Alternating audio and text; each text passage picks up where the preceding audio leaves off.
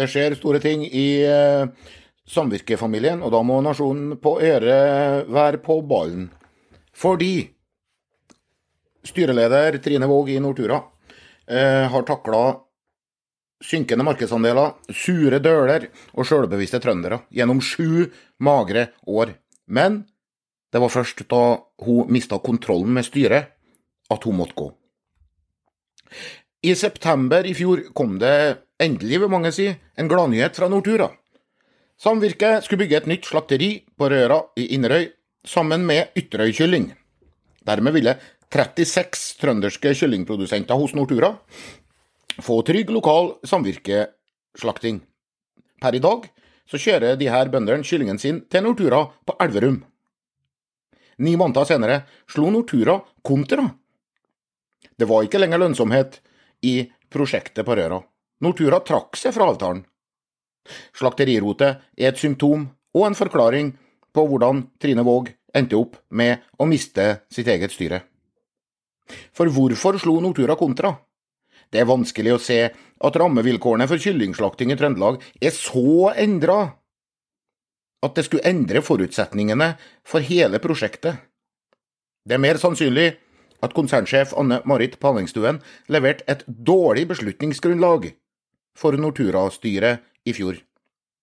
I alle fall når vi vet at styreleder Trine Våg ville kaste konsernsjefen på grunn av sitat, 'manglende informasjon' og mangelfullt beslutningsgrunnlag. Sitat slutt.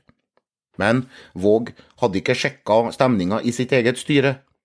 Der fikk hun ingen støtte. Opprykka Nortura-styreleder Jan Erik Fløttere hevder nå at styret beklager at Våg sitat, 'valgte å fratre'. Det her er bare høflighetsfraser. Våg hadde selvsagt ikke noe valg. Det var Fløttere og resten av styret som hadde et valg. De kunne stå sammen med styrelederen sin og vrake Panengstuen. De valgte heller å vrake Våg, vel vitende om at ingen styreleder kan sitte etter å ha tapt en avstemning om konsernlederen. Trine Våg har vært en svært synlig styreleder i Nortura. Det betyr også å stå for ikke bare én støyt, men mange.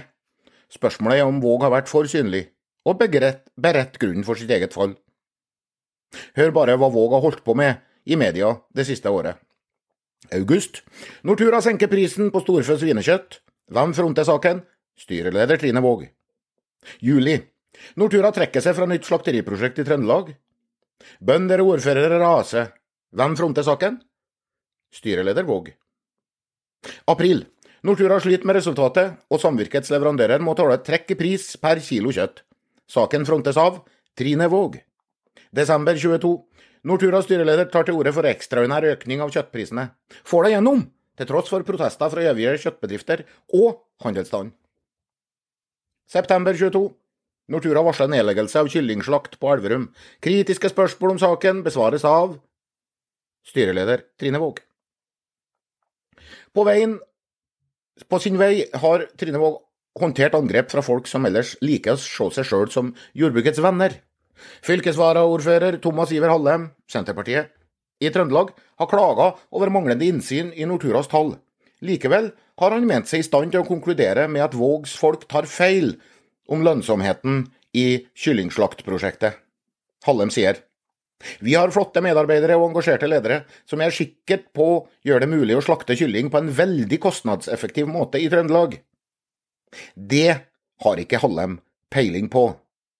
Han viser imidlertid god peiling på hvordan man skaffer seg misnøyevelgere på en veldig kostnadseffektiv, ja, billig måte.